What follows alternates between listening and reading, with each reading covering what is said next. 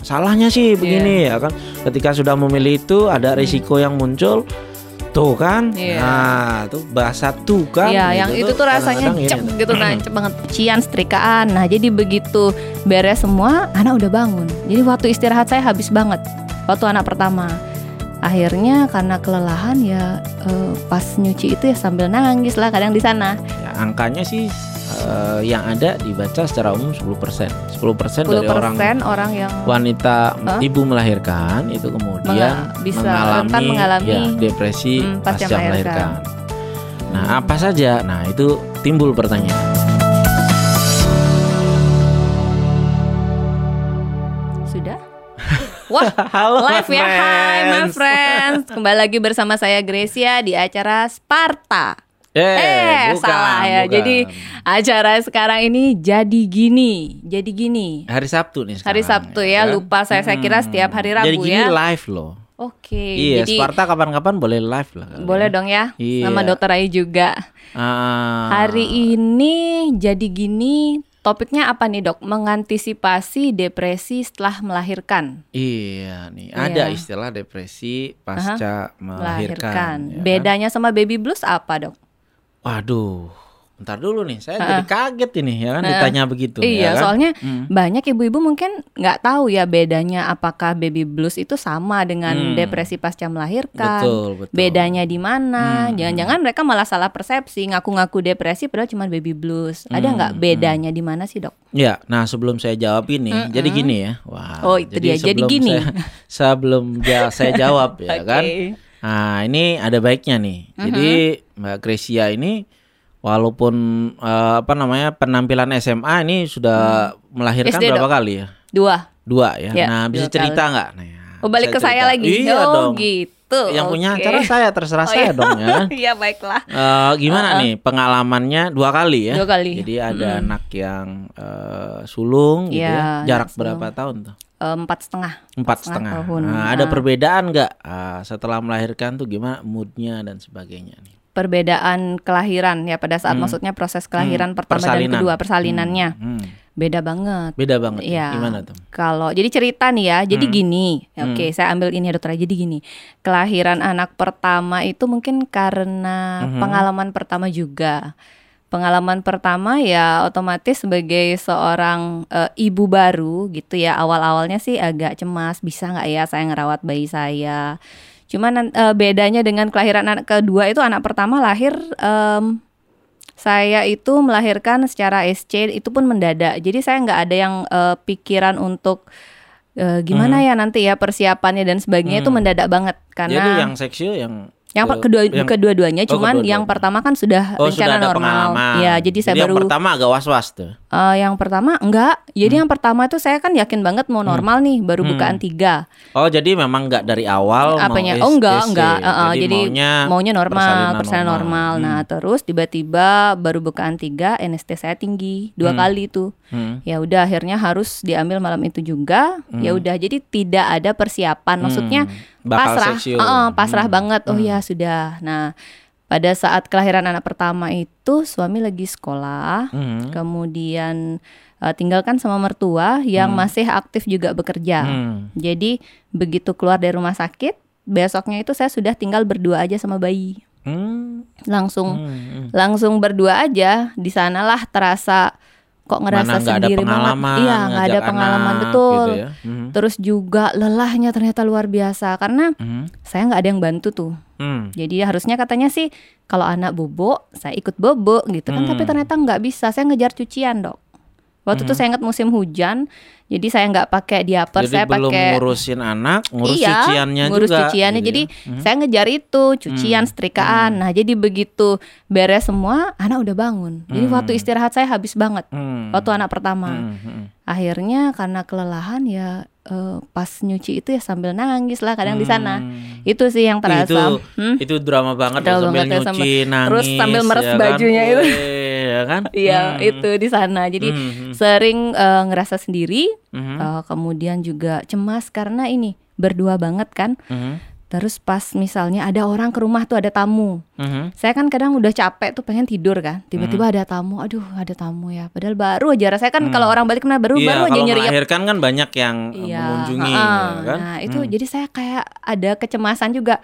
Nanti kalau saya tidur bentar tiba-tiba ada tamu saya nggak dengar atau enggak em, siapa Hmm. nih yang nyiapin minumnya sampai yang hal-hal sedetail itu sih yang saya pikirkan gitu dok. Mhm, mhm. Ya udah, begitulah. Jadi akhirnya saya lumayan sering menangis waktu di eh, anak pertama itu ya. Mhm. Sering menangis, kemudian ya eh, cemas memikirkan, "Baduh, besok siapa sih yang datang?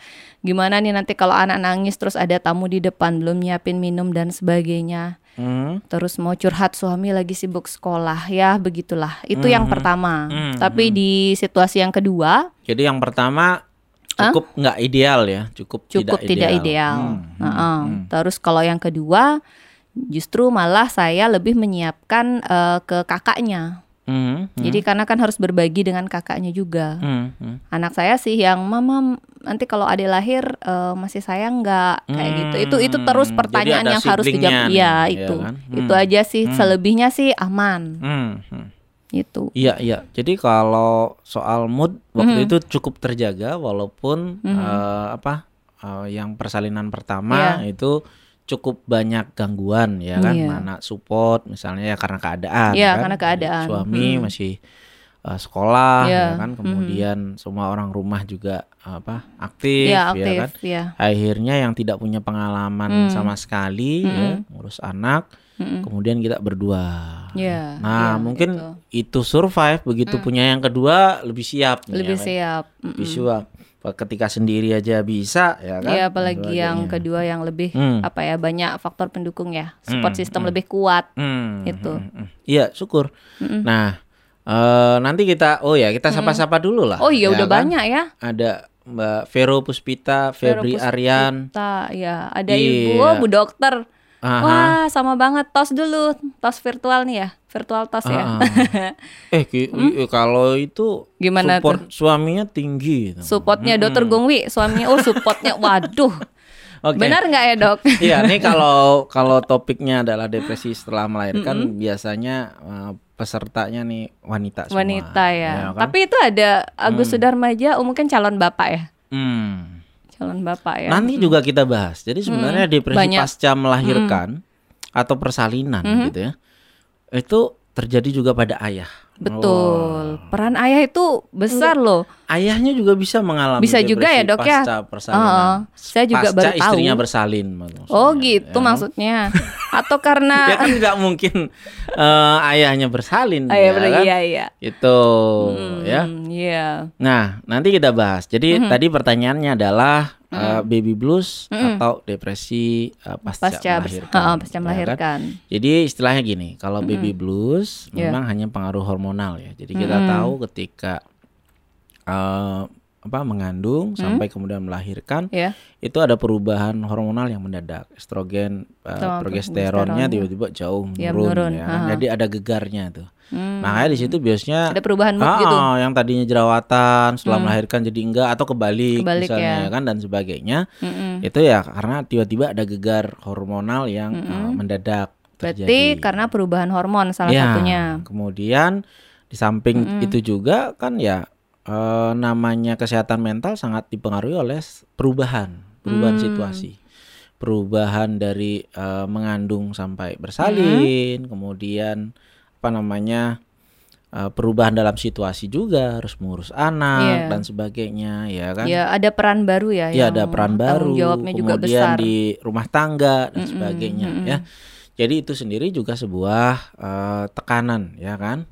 Nah, Iya, stres, betul. stres itu bisa jadi eustress, stres yang baik bisa juga jadi Ah, distress ya iya, kan. iya. Tapi artinya hal tersebut yang terjadi dalam satu waktu dan beberapa orang juga tidak memikirkan bahwa perubahannya akan sedrastis itu, Jadi banyak yang abai juga ya Iya. dengan eh, tidak mempersiapkan ya kan. mhm. Jadi ada istilah apa?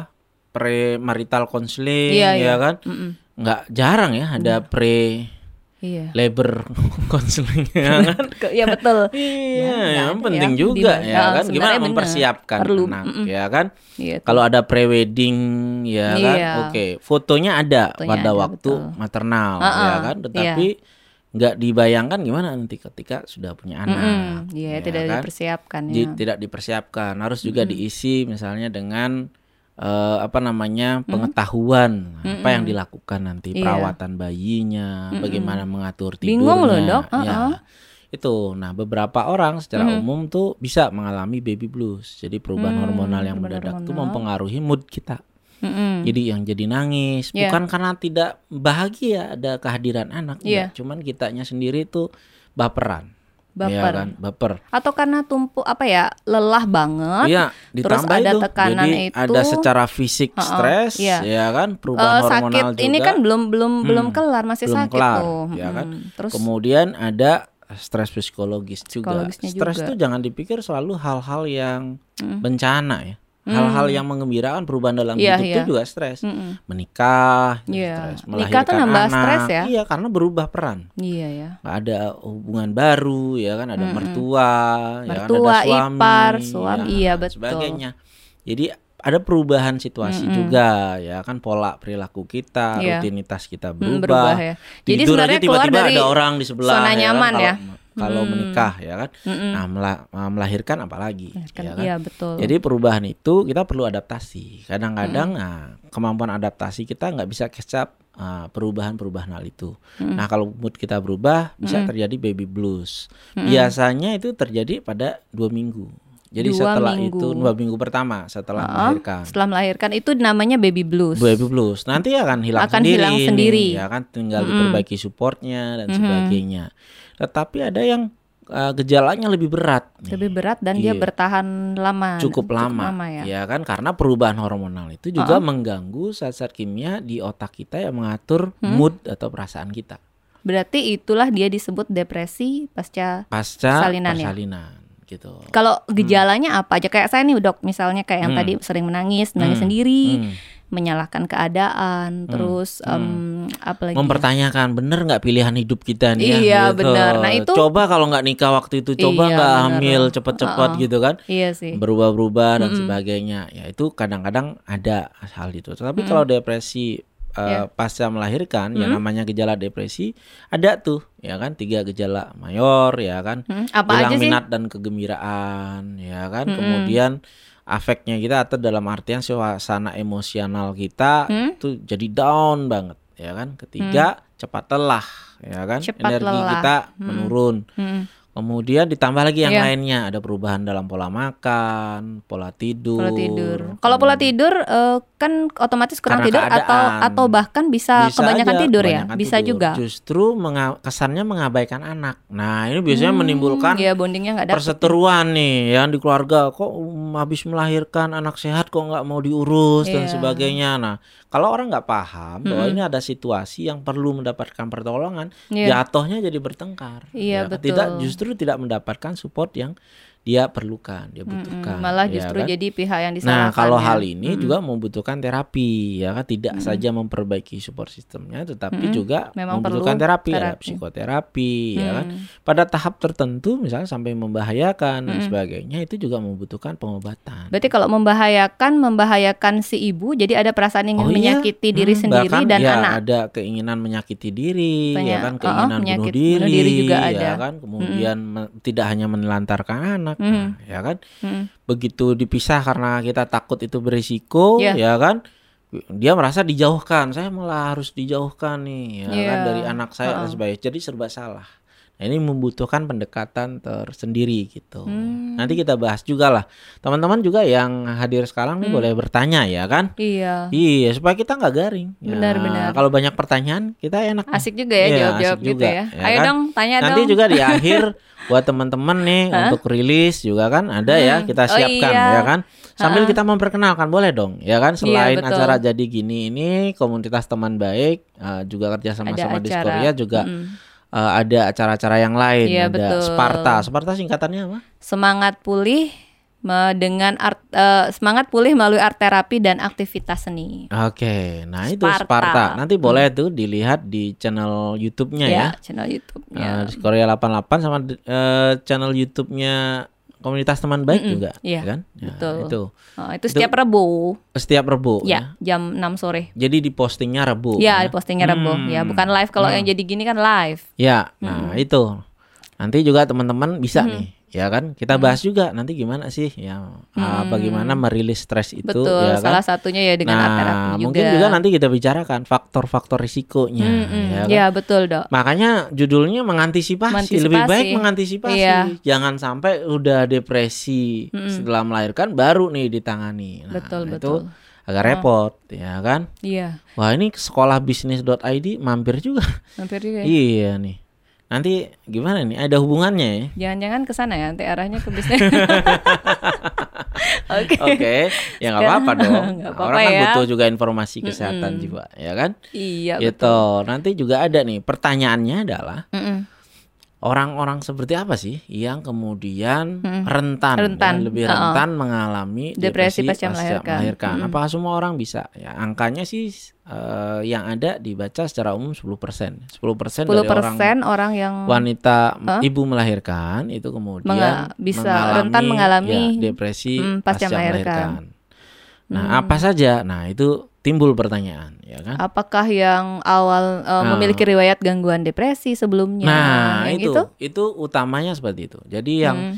sebelum melahirkan -hmm. atau waktu hamil atau bahkan yang sebelum anak pertama ya, ya kan, kali ya hmm. uh, yang pertama adalah mempunyai riwayat depresi sebelumnya jadi hmm. ketika lajang sudah yeah. pernah mengalami depresi itu lebih rentan lebih nantinya rentan. setelah uh, melahirkan hmm. mengalami lagi depresi pasca melahirkan walaupun sebelumnya sudah padahal bukannya itu sudah misalnya dia sudah, sudah remisi, berobat kan sudah baik oh, oh. ya kan bahkan bisa sudah baik ya? iya bisa muncul ya kan hmm. karena perubahan situasi yang mendadak tadi hormonal oh, gitu. itu juga mempengaruhi dari neurotransmitter di dalam hmm, otak hmm, ya hmm.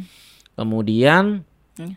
Uh, ada lagi hmm. misalnya pada eh, kehamilan pertama kehamilan pertama itu iya. mungkin yeah. menyangkut persiapan ya, ya mentalnya ya, persiapan, juga ya menjadi seorang ibu. Ya gitu. kesiapan mental hmm. termasuk juga umur ya kan. Kemudian apakah kalau menikah muda juga terlalu muda juga berpengaruh dong? Iya uh, bisa saja berpengaruh. Tetapi yang hmm? lebih mempengaruhi adalah uh, kesiapan atau perencanaan. Jadi kalau muda memang berencana, muda ya berencana kan? nggak kan? apa-apa. Nah, tapi kalau misalnya kalau usia udah matang tapi nggak berencana dan tidak menginginkan kelahirannya, iya nah, itu dia. Jadi kehamilan yang tidak diinginkan ya, itu juga berpengaruh ya. Ya, artinya pengennya nunda tapi hmm. oh kok uh, malah muncul ya. Banyak kan? anak juga ya ngaruh dok. Hmm? Misalnya sudah ini anak yang keberapa gitu. Uh, gini, misalnya. persalinan yang buruk persalinan yang Jadi buruk misalnya uh, kehamilan yang riwayat hmm. persalinan yang uh, gagal banyak nih. Maksudnya hamil keempat tapi satu dua tiga hmm. uh, keguguran hmm. misal begitu hmm. kehamilan yang keempat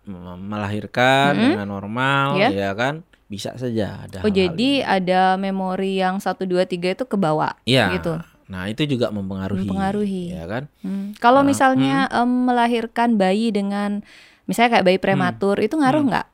ke ini ke oh iya, itu juga mempengaruhi, mempengaruhi ya, ya kan kemudian keadaan bayi ketika ya mungkin ada yang berkebutuhan khusus ada, dan sebagainya hmm, hmm, ngaruh itu mempengaruhi kalau banyak anak nggak ngaruh dok misalnya saya punya anak tiga terus sekarang saya mau melahirkan yang keempat nih hmm.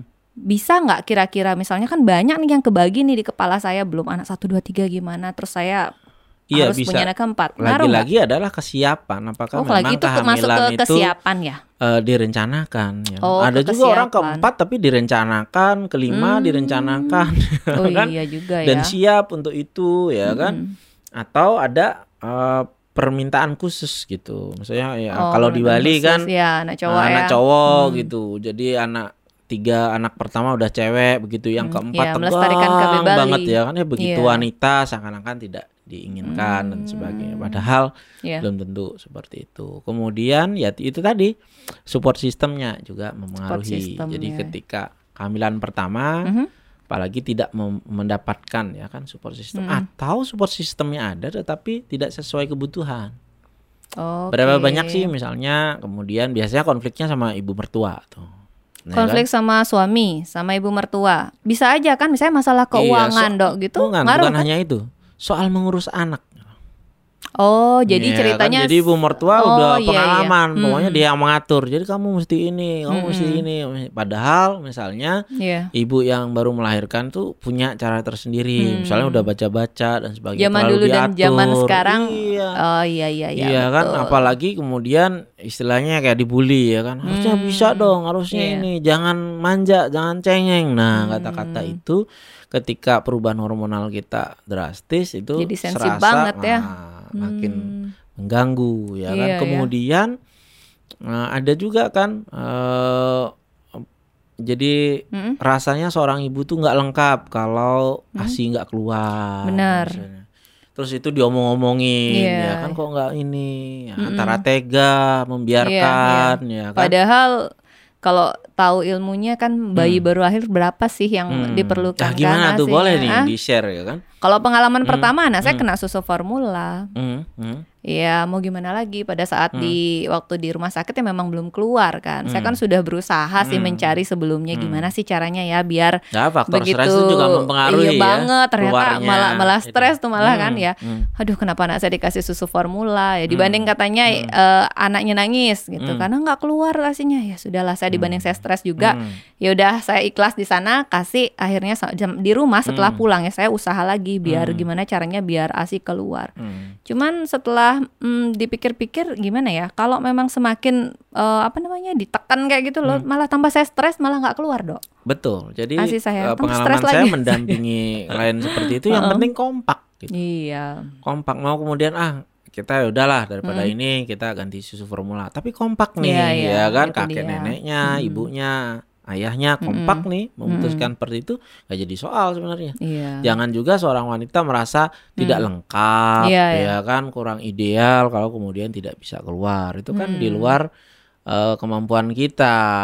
Wah ini Wah, ada ada, nih, nih. dalam banget nih Maya Adlam Manganti. Sama, Sama ibu, ibu mertua, mertua, definitely, definitely. gitu ya. Bukan iya. berarti maksudnya ini musuhannya di situ, tapi Iya. sering ya kita kan berkonflik pada orang yang dekat, dengan Dekat, diri betul. kita. Nah, pada waktu itu yang punya pengalaman adalah ibu mertua, Hmm. bukan bapak mertua Iya. kan yang punya pengalaman. Nah, jadi dia merasa dia punya pengalaman untuk itu, jadi lebih Hmm. tahu, mengatur, Iya. ya kan hal itu. Sedangkan kita juga mempunyai kebiasaan yang berbeda. Hmm, Itu ya. iya nah Ya, ini ada Hmm. pertanyaan dari Vero Puspita bagaimana cara agar kita tidak baby blues lagi dok untuk persiapan perencanaan anak kedua Wah, ini bagus Udah- nih. udah- udah kita berencana nih. antisipasi, Mm-mm. kita antisipasi. cocok nih Ya, direncanakan dalam artian apa Mm. kira-kira ah, kita kayak main catur kita siapkan nih kekuatan kita Iya, apa, apa kekuara- kekurangan Mm-mm. ya kan. Jadi dari sejak eh, melahirkan itu kita sudah ada edukasinya mestinya. Hmm. Jadi dipersiapkan nggak hanya persalinan sebenarnya. Waktu kehamilan pun Mm-mm. apalagi kehamilan pertama kita harus Iya. tahu perubahan-perubahan ya kan yang terjadi pada diri kita di tiga bulan pertama, tiga bulan kedua, ya kan Mm-mm. trimester yang terakhir Iya. dari yang bentuk tubuh lah, Hmm, pasti ya akan kan? berubah, kemudian ya. perubahan, Perubahan-perubahan ya, terjadi. kemudian, ya, kemudian mulai juga membaca-baca Hmm. nantinya gimana persalinannya, apa yang dipilih, Iya. apa resiko-resikonya, kemudian kalau sudah melahirkan akan di mana, itu hal-hal yang Hmm. cukup detail loh, yang Betul. kemudian banyak pasangan juga setelah Hmm. melahirkan baru pikir nanti diajak ke mana, Iya. pulang ya kan siapa yang nungguin dan Mm-mm. sebagainya. Jadi Nah, memang harus dibekali dulu ya ilmu-ilmu itu ya. Perkaya diri nah, dulu Mulailah ikut-ikut ya kan. Ada juga saya lihat tuh di media sosial di Mm-mm. Twitter Iya. ya kan di tweet eh, di Facebook tuh ada grupnya Iya, ya kan betul, persiapan ada. Mm-mm. ya kan melahirkan itu ada gunanya Hmm. gitu. Jadi seorang ibu biasanya nih eh, masalahnya adalah di di kehamilan pertama itu Mhm. masih sama grup Facebook eh, grup-grup yang dulu nih. Iya. Nah, teman-temannya belum menikah, Hmm. belum belum eh, hamil, belum Iya. melahirkan, jadi nggak tahu. Nah, dia merasa masih seperti itu. Sedangkan kita punya tantangan yang berbeda. Nah, Mm-mm. untuk kehamilan kedua secara natural sebenarnya kita lebih siap. lebih siap otomatis Lebih ya sebenarnya ya. Yang penting ketika kehamilan pertama semua baik-baik saja. Yang jadi Mm-mm. masalah ketika kehamilan pertama itu bermasalah. hmm. atau baby bluesnya cukup berat gitu. Berat, jadi ya? setelah itu kita jadi agak takut nih ya kan hmm. dan sebagainya. Jadi hal-hal itu yang kita perlu lakukan. Misalnya bagaimana sih ASI biar keluar. Kalau yeah. nggak keluar, jadi dari awal kita bicarakan mm -hmm. gitu. Tidak saat itu kita baru memutuskan, betul, baru menimbang. Betul. Banyak tuh sebenarnya dari AIMI itu kan ada hmm, dok. Hmm. Jadi sempat juga saya dulu ikut di pada hmm. saat hamil hmm. ya. Jadi hmm. persiapan hmm. memang ada. Hmm. Jadi dari hmm. AIMI itu membuka kelas hmm. gitu hmm. untuk persiapan uh, menyusui. Nah, itu bagus banget kalau memang ya, kan? mau ya Mbak ya, Vero, ya. Mbak Vero Jadi ya. mengantisipasi uh. itu ya. Iya. Kemudian nanti support grupnya juga ada buat eh, ibu-ibu uh, yang ketika hmm. kehamilan pertama itu cukup bermasalah ya hmm. ya dengan hal itu bisa ya. nih misalnya yang saya tahu beberapa kawan di Mother Hope Indonesia ya, ya kan. Mm -mm. Itu sangat banyak tuh ada juga beberapa teman-teman uh, psikolog yang ada di sana. Hmm. Kemudian uh, nah nanti juga kita bahas hmm. ada nggak sih ya, obat yang cukup aman ya kan yeah. kapan sih ya kan kadang takut juga kita Betul. masih masih menyusui hmm. nanti ya kalau ibunya mengalami depresi nanti perlu minum obat apakah itu akan membahayakan iya ngaruh nggak ke ASI juga nah, nanti kita oh. juga akan bicarakan itu oke okay. ya. nah ini ada dari Yuniati hmm. Kade saya mengalami baby blues dok saat lahiran anak pertama ditambah peran orang tua sangat banyak membantu hmm. Jadi maksudnya peran orang tua, mas gimana ya dok? Saya mengalami. Uh, mungkin orang tua ibunya, hmm, ya kan? Iya iya. Ya, ya tentu secara natural kita uh, ya. lebih nyaman ya seorang ya, ibu betul. dengan orang tuanya sendiri nih daripada sama mertuanya. Tapi ada juga loh beberapa kasus yang hmm. ini si menantu sama mertuanya tuh uh, gel banget nih, yeah. ya kan? Ada juga yang seperti itu ya. Yeah. Uh, nah, jangan sampai nanti orang tuanya si ibu sama hmm. mertuanya yang bertengkar. Bertengkar ya, ya karena begini, mestinya begini okay. ya kan. Nah jadi persalinan tuh mirip dengan suasana pandemi ya. Sebenarnya apa pun yang iya. dipilih yeah. asal kompak sebenarnya yeah. jadi masalah. Gak jadi masalah ya. Yang jadi masalah kalau nggak kompak mm -hmm. ya kan. Mestinya begini, mestinya uh, salahnya sih begini yeah. ya kan.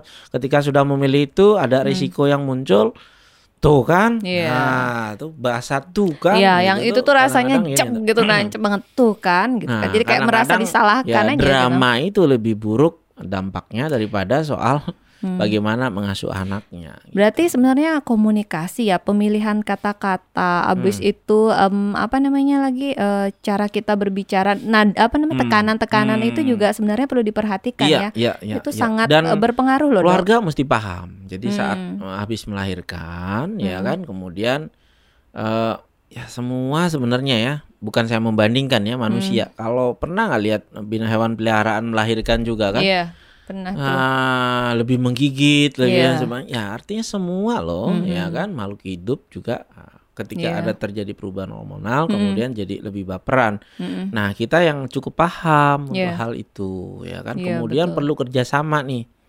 Ini pengalaman ya, maksudnya mm. gini. Uh, kalau susu formula tuh mm -hmm. uh, keterlibatan pasangan juga lebih bisa loh.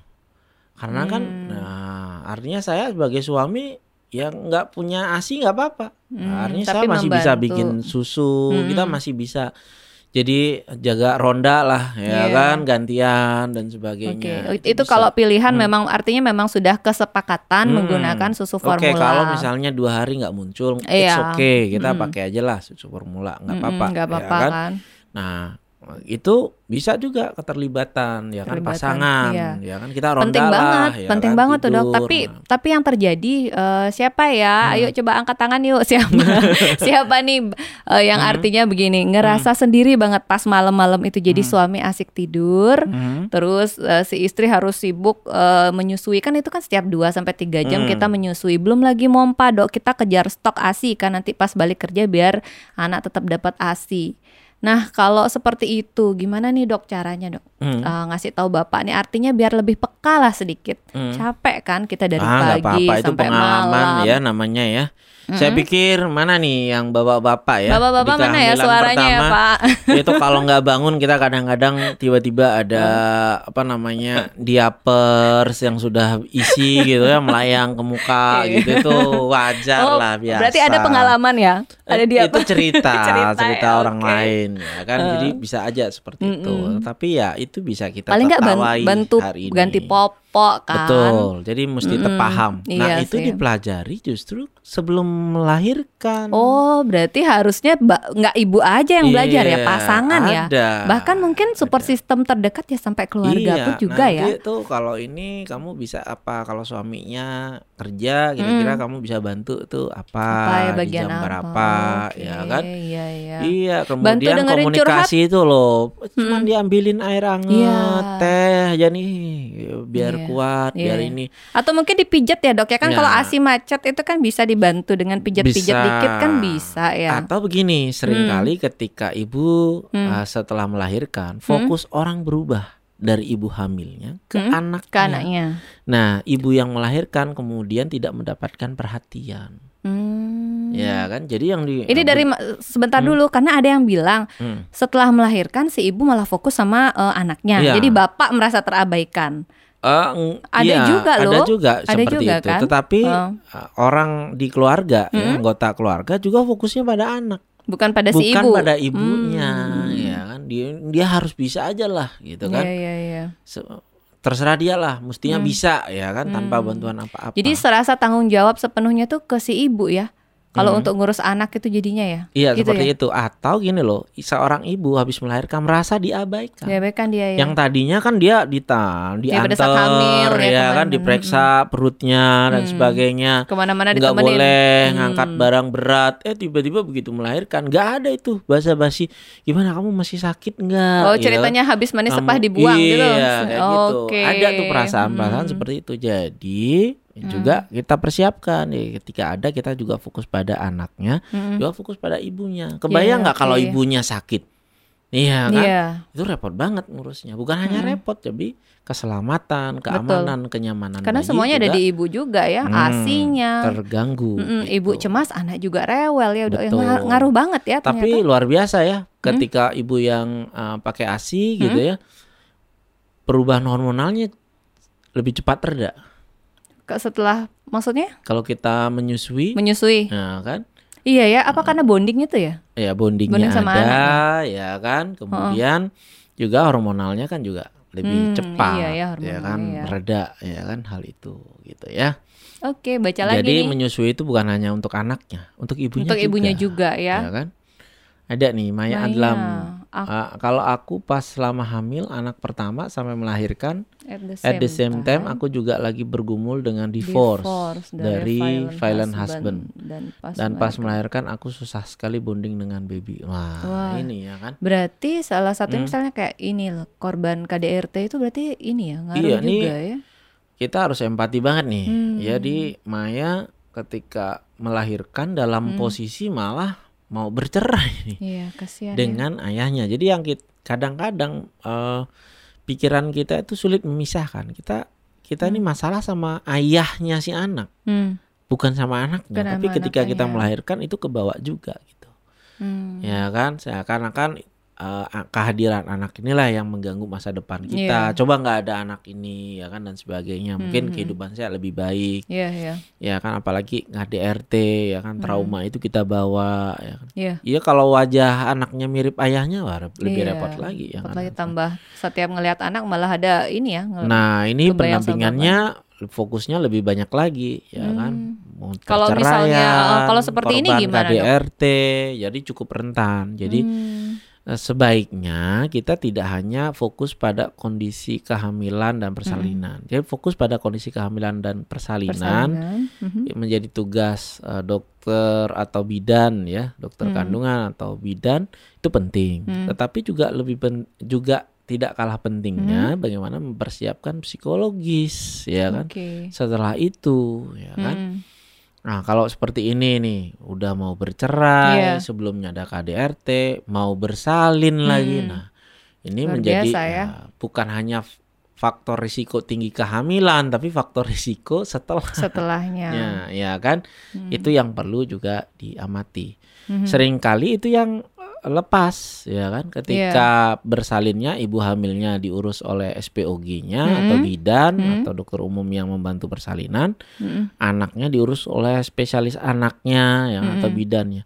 Lah Untuk kemudian psikisnya? ah, psikisnya ini siapa Iya. yang ngurus? Jadi kalau Nah, misalnya kita dengan riwayat depresi gitu Hmm. misalnya sebelumnya. Jadi pada saat kita pemeriksaan Hmm. ke ini ya kehamilan ke dokter apa perlu kita sampaikan ya, Dok? perlu disampaikan dan kita Mm-mm. tidak ada salahnya saya cukup banyak kok ketika hamil pun Mm. gitu ya SPOG-nya kemudian rujuk walaupun Oh, belum oke. ada keluhan waktu itu bahwa punya Mm. riwayat depresi jadi perlu dipersiapkan Jadi- apa saja Jadi ini. harus lebih baik jujur ya Iya. katakan aja ya riwayat Hmm. kita bahwa ada depresi atau Hmm. mungkin kita itu mungkin kan ada untuk diri gangguan. kita Mm-mm. sendiri ya Oh. kan sehingga nggak kelimpungan setelah Mhm. hal itu terjadi gitu ya Iya iya nah betul ini ya. Maya nah punya punya ini juga pendapatnya aku pikir proses bonding itu bakal langsung terjadi Iya, nah di di film-film. film-film begitu lahir terus kita punya ya kan? Iya iya otomatis itu ternyata kayak nggak mengalir gitu itu, aja. ya kan ternyata itu harus dimulai ya kan dilatihkan Mm-mm. ya kan Iya betul.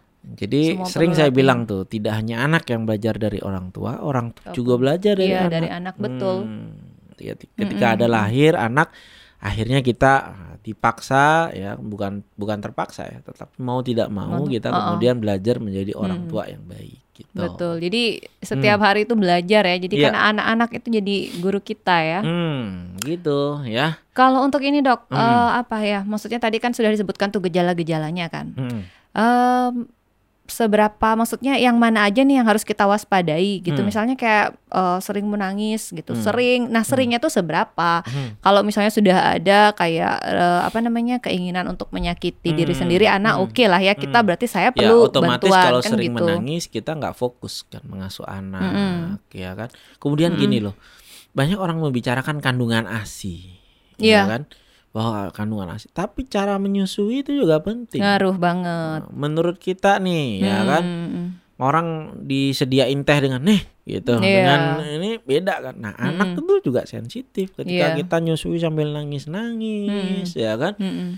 lain-lain Iya, ya misalnya nah itu juga akan berbeda kan mempengaruhi bonding tadi Bening tadi ya betul. hmm. Karena betul ya kalau ibunya cemas, anaknya pun juga kita mengirim energi kecemasan ke anak ya. Jadi betul dia rewel. frekuensinya ya, juga betul. seperti itu bahkan dalam kehamilan saja Mhm. loh jadi biar nggak lucu nih waktu Hmm. hamil aja kita setelin Mozart Iya, ya kan lahir. begitu lahir ya kan Mm-mm. atau kayak tadi misalnya yang pakai susu formula oh karena Mm-mm. susu formula ya udahlah sambil pegang HP Mm-mm. ya kan Mm-mm. lain loh ya kan Itu terjadi di Boleh saya kok loh, Dok. pakai pakai susu formula Hmm. tapi tetap ya kan digendong Harusnya, ya kan harusnya tetap kan. dipandang dan sebagainya itu penting gitu loh Saya malah Itu dulu penting. waktu menyusui malah nonton ini. Dulu kan Hmm. ada Jo- Joda Akbar. Itu Hmm. pelarian saya. hmm. Eh, lelahnya saya. Jadi kalau saya terlalu lelah malah saya nggak bisa tidur. Hmm. yang saya ceritakan Hmm, tadi di hmm, kehamil hmm. apa kelahiran pertama Hmm. ya anak saya yang pertama jadi pada saat anak saya eh, apa eh, saya menyusui Hmm. saya sambil pegang handphone dan itu Hmm. sambil saya nonton Hmm. keasikan tapi Hmm. akhirnya untungnya saya tersadar Hmm. setelah baca-baca informasi seharusnya kamu malah membuat bonding yang bagus ya Iya. pada saat menyusui gitu loh yang penting bukan secara fisik isi susunya atau isi Iya. asinya Hmm. tetapi juga cara kita memberikan itu juga penting dari Hmm, sana hmm. pun kita tahu kok ya kan Mm-mm. Termasuk nih nantinya deteksi awal ya nanti kalau Iya. sudah mulai besar jangan sampai udah tiga tahun baru tahu tanda autis. Iya, nah kan dari bulan-bulan ya kan awal Mm-mm, kita udah tahu lah ada dari pandangannya. mereka ya mana mulai mata. senyum Mm-mm, ya iya, kan di betul. beberapa bulan berikutnya. Nah itu juga sangat penting gitu loh. Hmm, betul ya. Hal-hal itu tuh menjadi eh, yang penting juga merencanakan ya kan persalinan atau merencanakan kehamilan itu itu yang Mm-mm, mm-mm. terpenting kan. Itu faktor resikonya banyak nih beberapa klien saya yang Mm-mm. juga mengalami depresi bahkan Mm-mm. bipolar Iya. itu juga ya kan hak asasi orang Iya. untuk mempunyai anak Mm-mm. tetapi baiknya di planning di planning di planning nanti pada dosis maintenance sekian ya kan kemudian Iya. resikonya kita kita persiapkan dari Hmm. awal ya kan ya yang 100% Hmm. aman sih memang tidak ada karena Iya. kan tidak boleh penelitian tetapi dari keilmuan kita bisa cobakan karena kan istilahnya bukan soal minum obat atau tidak Hmm. minum obat tetapi resikonya juga kalau tidak minum obat gimana untuk ibunya bagaimana untuk bayi Jadi, ya kan kalau misalnya itu kan ngaruh ke ASI juga tuh. Jadi Hmm. sementara gimana? Ya Pada kan saat ada yang sekresi obat yang tidak melalui ASI. Oh, Kan jadi pilihannya ada dipilihkan, itu. Ya kan dan sebagainya. Kemudian Hmm. tidak semudah aduh dok kan minum obat bahaya lah. Kalau tidak minum obat bah nggak bahaya. Nah itu juga perlu diperti- Kadang dipikirkan. hmm, kita ya kan? mengabaikan dok. Jadi Hmm. pada saat terlalu lelah itu kan kadang kita sering Hmm. flu ya, Hmm. yang sampai demam juga, Hmm. menggigil. Cuman karena ada bayi ya udah tahan-tahanin aja karena takut kan. Hmm. Aduh nanti asiku gimana? Ya. Ya, untuk orang awam Nah sih kemudian begitu. kepribadian ibu juga perlu dipikirkan. Kebayang nggak iya kalau ya. yang perfeksionis dia Benar, pengen benar. semuanya sama dia. betul Kan betul. nggak mungkin juga 24 jam sama hanya pada Iya. ibunya. Ya walaupun ayahnya belum sebaik ibunya dalam gendong, kasihlah kemampuan juga. Bonding Mm-mm. bukan cuman ibu saja Benar, ya ya. kan sama ayahnya juga penting. Iya, jadi kalau itu. perfeksionis malah dia rentan juga ya Nah, mengalami artinya itu ya. dari sejak awal dipersiapkan secara psikologis. Ini loh hal-hal yang bisa terjadi di kamu. Jadi cek ya kan soal kapasitas mental, kepribadian itu sangat ngaruh Mm, juga. mm, mm. Jangan zaman sekarang jangan cuman rasi bintang aja lah, Aquarius Iya. nanti kalau punya anak begini. Iya, yang iya. begitu aja, tapi hal itu juga dipersiapkan nantinya. Hal-hal yang Mm-mm. bisa terjadi. Tapi kalau sudah ada kejadian, ya nggak perlulah kita takut ya kan Mm. atau merasa terstigma. Waduh, Mm. saya bukan ibu yang baik ya kan dan Mm-mm, sebagainya. Oke. Mm-mm. Jadi selain tadi obat ya kan Iya. ada pilihan-pilihan yang cukup aman, Mm, menim- mm. mempertimbangkan risk Betul. dan benefitnya. Heeh. Juga ada upaya-upaya mandiri juga Betul. kan. Gimana menjaga ibu biar jangan tetap cuma bahagia. nonton Joda Akbar aja ya kan. Bener. Ya, Iya, bisa juga susah. misalnya Mm. apa nih? Kita bawa ya sekali-sekali Iya, Sparta iya, ke jadi Sparta. gini ya kan. Wow, Sparta jadi nah, apa ke nih yang jadi bisa gini. dilakukan Hmm. dengan aktivitas seni ini yang bisa dilakukan? Oke, Coba nih boleh. salah satunya ini Hmm. sih dok. Eh, kalau yang pertama, kalau ibu-ibu itu kan ibu-ibu yang baru melahirkan biasanya sih multitasking ya dok ya. Mhm, mhm. Jadi sambil nyusuin anak, sambil mompa satunya kan karena kejar stok ASI tiba-tiba misalnya ada handphone bunyi pakai kakinya tiba-tiba punya ke apa istilahnya ya ke Multitasking ya, ya. multitasking Hmm. banget belum lagi mikirin aduh anakku yang pertama ntar dia makan apa banyak banget kan Mm-mm. jadi pikiran Mm-mm. itu rasanya apalagi kalau suasana Covid ya. wih iya ya kebayang sekarang. ya. Iya, Nah, tak nanti deh kita tuh. bicarakan Oh, sedikit bener kalau deh. nanti Iya nih. setelah aktivitas ini ya. Iya. Hmm. Nah, pada saat seperti itu biasanya kalau karena multitasking itu kan pikir apa ya? Hmm. Nafas kadang kita kan harusnya bisa mengatur nafas dengan baik biar lebih Hmm. tenang ya, Hmm. lebih rileks. Tapi ternyata tanpa disadari nafas kita pun jadi lebih cepat atau bahkan Hmm. misalnya kalau lagi tegang banget malah sering kayak nggak nafas Ketika itu ya. ada ya? luapan emosi, Hmm. nafas kita tidak bisa lega, tidak bisa dalam. Jadi Iya. perlu untuk melakukan deep breathing relaxation, Iya, ya deep kan? breathing ya. Ya, tetapi perlu juga media yang membantu kan. Iya, Kalau karena dirasain aja kok kadang susah iya, ya. gitu. rasanya gimana ya Ah, susah kan hmm. gitu. Ada juga yang bilang gampang tuh malah kayak nyampahin gitu, cuman cuman tarik Cuman nafas, nafas, aja loh gitu oh kan. buang nafas gitu. Tapi Hmm. kalau saya sih eh, yang saya dapat ya ilmunya Iya. tuh kayak Hmm. gini dok, apa Hmm. namanya? Bisa hmm, nih teman-teman, my friends di iya, rumah yang my friends bisa dicoba ada nih ya. ada kertas dan ini kita lakukan Iya. boleh. Nanti Jadi- saya juga lakukan. Oh iya, Iya. silakan ya dok. Hmm. Ini kita alat-alat yang dibutuhkan tuh ada kertas, Hmm. terus ada kalau saya sih pilihnya krayon ya karena saya Krayon. suka warna Oke. kan. Eh, kalaupun ini misalnya krayon anak di rumah Iya, diambil. saya bawa ke sini pinjam bentar, Dok. Oke, gitu. aha. Kalaupun misalnya nggak pakai krayon bisa pakai pensil atau pulpen Mhm, ya. Yang mhm. pertama itu intinya duduk dulu dengan rileks, Mhm. kemudian hmm, tangan-tangan eh, jari-jari tangan rileks juga. Oke. Oke, jari-jari menari-nari dulu nih. Mhm. Terus ambil alatnya ya. Mhm. Nah, di sini istilahnya adalah draw your breath. Jadi eh, kita gambarkan eh, pola nafas kita. Oke. Oke. Jadi Caranya kapan adalah inhale-nya naik Nah, gitu. ya, Hmm. pada saat kita inhale itu kita gambar garis ya. Cuman di sini ja- eh, harus kita sadari juga. Jadi pada saat melakukan ini kita ada namanya awareness ya, kesadaran Hmm. bahwa eh, seberapa sih genggaman kita ke alat tulis yang dipakai gitu. Hmm. Apakah terlalu eh, penekanannya keras atau longgar itu juga diperhatikan. Jadi Hmm. kesadarannya itu di sana. Hmm. Pada saat inhale kita tarik garis ke atas. Hmm. Kemudian kita exhale. Inhale lagi. Exhale. Inhale. Exhale sambil kita sadari dan fokus ke uh, nafas kita. Kemudian kita rasakan ya sensasi apa saja sih yang didapat dari goresan uh, krayon yang kita uh, tuangkan ke kertas ini. Lanjut ya terus ya inhale, exhale dan uh, artinya gambar ini adalah cermin dari uh, pola nafas kita seperti apa. Nggak usah takut kan kadang ada tuh nafas kita itu yang pendek-pendek kemudian ada nafas saya oh ternyata nafas saya ada yang uh, dalam ada yang enggak gitu nggak masalah sih ya bukan masalah itunya jadi bagaimana membuat kita rileks dengan menggambar pola nafas kita sampai merasakan kenyamanan. Ini sih yang disebut mindfulness, Dok. Jadi kita menggambar pola nafas, menyadari hmm. nafas kita, kemudian goresan-goresan uh, krayon atau alat tulis yang dipakai, ada bunyi-bunyi juga. Bahkan kalau misalnya teringat dengan krayon itu kan kita ingat pada masa kecil ya dok ya. Sering hmm. menggambar dengan krayon, nggak masalah sih pikiran-pikiran itu muncul gitu. Yang penting biarkan aja pikiran itu datang. Yang penting kita tetap jadi sadar. tidak ada yang ditolak iya terima ada, hmm, ya di sinilah jadi ada acceptance-nya juga penerimaannya juga. Begitu. Kalau misalnya mau warna lain dipakai nggak masalah sih. Hmm. sampai merasa nyaman gitu. Itu dia draw your breath. Oke. Okay. simple. Hmm, begitu. wow. ini kalau yang saya dapat nih ya. ini nih. Sama ya? Ketahuan nggak sih di kamera? Eh? kelihatan ya? Oh cukup kelihatan. Kelihatan ya Iya, yang saya rasakan awal-awal ke mana? Oh ke sini ya? Iya. Uh. Jadi itu. Oh itu ya.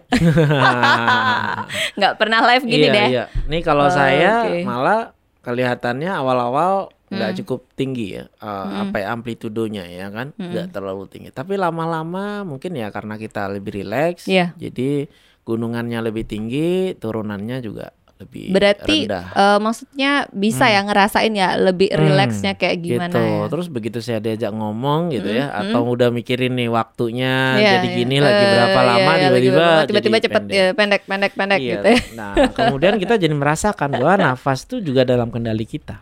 Iya. Jangan-jangan mood juga ada dalam kendali kita. Betul, Apa betul. yang kita bisa lakukan untuk memperbaiki itu itu mm, ada hmm, dalam hmm. kendali kita. Iya, betul. Bukan kita yang diatur-atur oleh mood. Tetapi kalau upaya-upaya mm. mandiri ini yeah. dilakukan tetapi nggak banyak membantu ya Nah, ya itu kan? berarti harus nah, ke butuh profesional ya, kesehatan ya, jiwa. Betul ya, Dok betul. ya, butuh penanganan. Halo nih yang baru gabung nih kayaknya atau Hai baru semua. komen aku dakwah Ariani Adel ya. Uh, uh. Mm-hmm. Oke. Okay. Ada Gita Garsani juga. Ya, Halo ya. Gita. Nah, kita nanti juga bahas ya. Ada hal ya juga mm. yang cukup penting. Tadi kepribadian kan juga cukup penting ya. Mm, kemudian hal-hal ya yang penting mm. juga pada ibu yang hamil kemudian nantinya persalinan yeah. menyadari sejak awal apa sih permasalahan yang bisa muncul. Mm-hmm. Yang cukup sering entah kenapa ya belakangan mm-hmm. hari ini apalagi di masa Covid, COVID ini, ini ya. Mm-hmm. gitu yang sering saya terima adalah ibu-ibu yang kemudian sifatnya kayak people pleaser gitu ingin oh, memuaskan semua, semua orang, orang, ingin membahagiakan semua orang. Gitu. Capek gitu. dong kalau kayak gitu ya? Iya. Capek banget. Gak ya. ada wanita di dunia ini yang Wonder Woman iya, kan? Bener. Wonder Woman aja nggak berhasil mem membahagiakan semua iya, orang iya, ya kan? Nah, apalagi kalau kita mau melakukan hal itu. Hmm. Nah, ketika di musim Covid, pandemi yeah. seperti ini. Hmm kemudian juga lagi melahirkan yeah. ya kan mau menjelang kelahiran otomatis waduh. cemas dong dok Iya karena apa kita dihadapkan sesuatu yang hmm. di luar kendali kita Bener. ketidakpastian Iya ya entah kan? sampai kapan ini iya, berakhir nanti ya lahir sehat apa enggak yeah. mau melahirkan lewat seksu mm -hmm. atau berhasil lewat normal lewat bawah yeah. atau enggak betul, ya kan dan sebagainya. Kadang-kadang orang hmm. yang mengalami people pleaser seperti ini, hmm. begitu katakanlah, oh ternyata udah latihan yoga yeah. dan sekali uh, setiap hari, hmm. kemudian oleh karena sesuatu di luar dirinya, ini nggak bisa nih melahirkan hmm. lewat bawah, yeah, jadi, jadi harus, harus seksual. Wah hmm. itu udah merasa saya bukan ibu yang baik. Ya, oh kan? jadi ngaruh banget ya? iya, ya people pleaser malah menyalahkan iya, diri sendirinya tinggi banget. Malah dia melihat wah suami saya jangan-jangan kecewa nih pada saya ibu mertua saya kecewa nggak jadi terlalu oh. mementingkan perasaan orang lain gitu Iya, ya. sampai Daripada lupa dirinya, sama dirinya ya sendiri. Ya kan nanti begitu asinya nggak keluar, belum hmm, keluar, iya. ya kan? Bukan tidak keluar, iya, kemudian, belum. waduh saya nih gagal jadi ibu gagal ya. menjadi ibu tidak sempurna iya. dan sebagainya. Hmm. Jadi perfeksionis, ya kan. ya. Nah, itu juga sangat penting kita Hmm. deteksi awal-awal ya sehingga nantinya ketika menjelang persalinan Iya. kita sudah bisa lebih fleksibel. Kita sudah Oke. siap untuk hal-hal itu. Begitu mau bersalin harus cek COVID. Iya. Wah, kenapa nih cek COVID? Jangan-jangan nanti kalau dicek positif Ya, nanti positif, bakal iya. bagaimana? Baca lagi di media sosial dan Iya. sebagainya. Ah, ah, ah. Ada Ya kan dok tuh bersalin dengan nyaman di masa pandemi. ya? Nah, iya, itu jadi dia ada juga tuh. nih ya komunitas teman baik Iya. juga kerjasama sama Heeh, dinas, kesehatan, Kota Denpasar Iya. juga buat ya kan program Mm-mm. itu. Jadi eh, ibu-ibu hamil Iya. ya kan yang cemas menjelang persalinan tuh bisa Iya. juga join. Nomornya hafal nggak? Hafal dong. Hotline-nya, Jadi boleh. kalau misalnya kalian Hmm, mengalami diketikin ya, kecemasan, adminnya. diketikin 082 Hmm. 147 148 147 ya. Hmm. 148 Hmm. 112. Oh iya, padahal saya yang Iya. beli. Harusnya iya, saya ingat iya, nih. harusnya sudah terakhir ingat nih. 0821 Iya. 47 Hotline DKJPS. 148 112. Iya, jadi ini hotline DK, DKJPS Ah, dukungan kesehatan jiwa dan psikososial Iya, ya. Heeh. DKJPS Iya, ya. DKJPS. Walaupun Denpasar Mm-mm. boleh juga kan yang Boleh, di luar masalah itu, sih ya kan? kalau Nanti ada memang- relawan yang Iya. Mendampingi Iya, ya kan. betul. Jadi jangan juga cepet apa ya terlalu cemas. Iya. Wah nanti tes COVID gimana Iya. lama hasilnya nanti terbengkalai persalin Hmm. nggak ada kalau cek Betul. COVID cuman begitu tak gitu ya. Pada saat itu juga ada hasilnya. Iya, iya. Itu Iya via kan? WhatsApp ya, bukan Ah, ah. telepon ya. Iya, jadi, Jadi via nanti- WhatsApp ah, bisa iya. tuh ke sana. Atau yang mau tahu lebih banyak soal people pleaser bukan hanya pada ibu hamil, Iya. bisa juga nih kepoin di apa di story Instagram saya tuh ada kita besok malam Hmm. Besok ya jam berapa, Dok? Jadi saya sama Lucky ya. Mm-mm. eh Lucky Marmer. Lucky Wah, Marmer, ya. Lucky Marmer ini Ah. kandidat eh, psikolog klinis ya di UI. Keren. Bareng saya dan juga Ardan ya. Nanti Ah. kita bicarakan soal People ah hubungannya ya people pleaser Dengan dengan, inner, inner child. Wih, keren tuh. Jadi kalau teman-teman yang Ah, ah. minat nih boleh kok free kok. Yang penting ya Caranya tem- gimana? Karena tempatnya terbatas jadi Ah, ah. mesti daftar. Nah, untuk daftarnya bisa nih repost ya kan poster kegiatannya Mhm. di Story-nya. di story Ah. teman uh, my friends sekalian ya kan. Kemudian hubungi ya kan kontak person yang ada di Iya. situ. Nah, nanti akan dibagikan linknya. Jadi besok malam kita bicarakan hal-hal Ada batasnya nggak? Maksudnya jam berapa Hmm. tuh eh, terakhir ditutup closing untuk ininya? Peserta kan terbatas. Ya. Jam berapa ditutup tuh? Misalnya kita mau Oh, kalau udah penuh ya, Ya udah langsung ya? di- Oke. dikatakan bahwa udah nggak bisa ya kan dan sebagainya. Keren Tapi kabar banget. terakhir sih masih ada ya sekitar 20 atau 30. Ayo 20 dong. kursi ya. Ah, ah, my friends, itu, Itu. keren banget loh Hmm. besok jam 7 sampai jam 9. Iya, siapa pun sebenarnya people pleaser itu Iya. juga kita ingin membahagiakan tapi orang bisa jadi kesel loh gara-gara itu. Iya Iya dong. kan? Iya dong. Kebayang nggak kok Uh-uh. kita ya kan selalu diapain aja oke ya Pokoknya iya Ah, iya iya aja. Iya iya aja, tapi sebenarnya itu mengesalkan buat dirinya Iya. dan juga akan membawa derita pada orang-orang sekitar. sebenarnya. Karena dia nggak tahu batasan mana pekerjaan yang bisa diambil, Betul. dia sanggupi, dia sanggupi, ya Hmm. manusia punya batasan. Pada akhirnya dia akan uh, Iya. tidak menyelesai, bisa menyelesaikannya. Berarti harus tahu batasnya itu Iya. seberapa tuh besok tuh lebih Hmm. jelasnya tuh ya my gitu, friends. gitu ya. Oh ya nih, Hmm. Dok, eh, ngomong-ngomong nih kan Hmm. eh, mengantisipasi depresi setelah melahirkan. Em, kebayang nggak sih dok, ibu-ibu itu kalau yang habis melahirkan ya, Hmm. eh, kadang mandi pun cepet-cepet cuma lima menit tuh. Hmm. Senyum aja kadang lupa dok. Iya betul. Bener nggak? Hmm. Terus gimana nih caranya biar tetap apa ya bisa bahagia selain hal-hal yang tadi ada nggak? Maksudnya mm, Hmm. apa sih yang harus dilakukan lagi tuh? Ya proses ini adalah sesuatu yang kita nikmati. Hmm. Tidak ada ibu yang sempurna. Hmm, hmm, hmm. Jangan bayangkan seperti di sinetron ya, di drama ya. Bahwa iya orang iya. bisa harus sem- Iya. tampil sempurna, tetap bisa make up, tetap Iya. bulu matanya ada Hmm, ya perlu kan. me time sih kayak Iya, dok perlu ya. me time dan itu Heeh. ya beberapa kali kemudian ada insiden misalnya anak menangis dan Mm-mm. sebagainya ya itu nggak apa-apa bagian dari. Kalaupun dalam mengarungi ya Iya. suasana persalinan ini Mm-mm. kemudian ya ada konflik-konflik ya kan Wajar-wajar baik dengan aja ya. ayah eh, dengan suami ya Hmm. kan dengan mertua ya itu bagian dari perjalanan itu ya kan bahkan beberapa jangan-jangan kita ketawain sekarang Hmm, ya kan Merespon dengan Hmm. wajar itu ya dengan Hmm. emosi yang stabil ya. Mm-mm. Mm-mm. Jadi kita memang kan tidak diciptakan untuk tugas menjadi sempurna. Ya kan? betul, kan? karena si yang sempurna siapa? Tuhan sama ah, rokok ya dok ya betul. Betul. Jadi kita tidak untuk menjadi sempurna, yeah, iya, tetapi yeah. untuk bertumbuh saja setiap harinya. Betul ya, banget. Kan? Mau belajar itu lama-lama kita betul. bisa menikmati hal itu ketika sebuah keluarga mempunyai halangan kemudian bisa melewatinya biasanya yeah. kita naik kelas. Betul, ya, kan, ya. betul betul. Ibu hmm. yang bahagia itu kan Foto kan kunci. deh, ya kan, kunci. dasternya, ya oh, kan, iya, gimana ya. waktu itu. Nah, boleh tuh, ya kan. Mm -hmm. Jadi sebuah challenge buat persiapan kelahiran yeah. kedua nah itu menarik juga nih posting ya yeah, kan yeah. sebagai challenge huh? posting ya fotonya ketika di kelahiran, kelahiran pertama, pertama iya ya. lahiran pertama gimana tuh wah hmm, jadi lucu jadi yeah, yeah. jadi kangen ada yang dikenang ya, ya kan? memori-memori nah, itu ya jadi lebih siap ya hmm, jadi lebih siap gitu deh closing yeah. kayaknya ya udah deket udah udah deket ya kan? nih ya Oke. Okay. Apa nih dok uh, closing statementnya dok? Ya, nih menarik ya uh, acara yang sekarang Ayo. jadi gini ya edisi hmm. Solusin ya. Ini disponsori oleh Mercy, Mercy White Division ya. Dan kita kedatangan nih host tamu. Iya Wah, tamu yang bukan tamu, tamu sebenarnya tuan rumah di sini di oh, komunitas gitu ya? teman baik ya kan.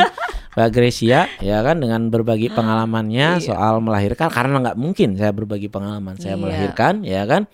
Itu Uh, oh ya, juga menarik loh. Ada Apa gerakan itu? ayah asi. Uh, iya. Saya baru ingat. Nah, gerakan menarik. ayah asi. Dok, gimana perannya ada, dokter Rai sebagai yang, ayah asi gimana, Dok? Oh, kita ngocekin. Uh, uh, uh, Dulu nggak ada okay. online, ya gak kan? Online. Tetapi itu sangat membantu. Jadi nggak harus juga kok ibu hamil harus enam bulan di rumah. Tapi kalau kita ya kan punya situasi harus bekerja, iya. harus sekolah ya ada hal-hal yang bisa kita siasati. Banyak sih. jalan menuju Roma hmm. untuk uh, Jadi ini ya, ya. persiapan. Ya. jadi gini, nah kita ya, jadi apa pun yang terjadi pada diri kita yang penting kompak kompak ya, kita satu. persiapkan mm -hmm. ya kan ketika ada yang tidak diduga kita antisipasi sebisa Betul. mungkin ketika mm. ada yang tidak bisa ditangani ya minta bantuan iya jadi tolong. jangan malu minta bantuan ya jangan mengabaikan perasaan ya yang nggak nyaman itu it's gitu. okay not to be jangan okay harusnya harusnya yeah. mestinya nggak ada yang seperti itu gitu harus ya? lebih fleksibel kayak dok ya nah kesehatan mental kuncinya adalah fleksibilitas. Fleksibel ya harus ya. bisa fleksibel kita okay, ya ibu-ibu. gitu ya my friends ya. Kita ketemu hmm. lagi di jadi gini acara uh, seri-seri berikutnya ya. ya. Dengan topik-topik yang lain. Oke. Okay? Tetap mantap jiwa raga ya. Oh, mantap jiwa raga gimana? Jiwa Gini. Raga. Bye bye my friends. Bye bye. Sampai ya. ketemu. Bye.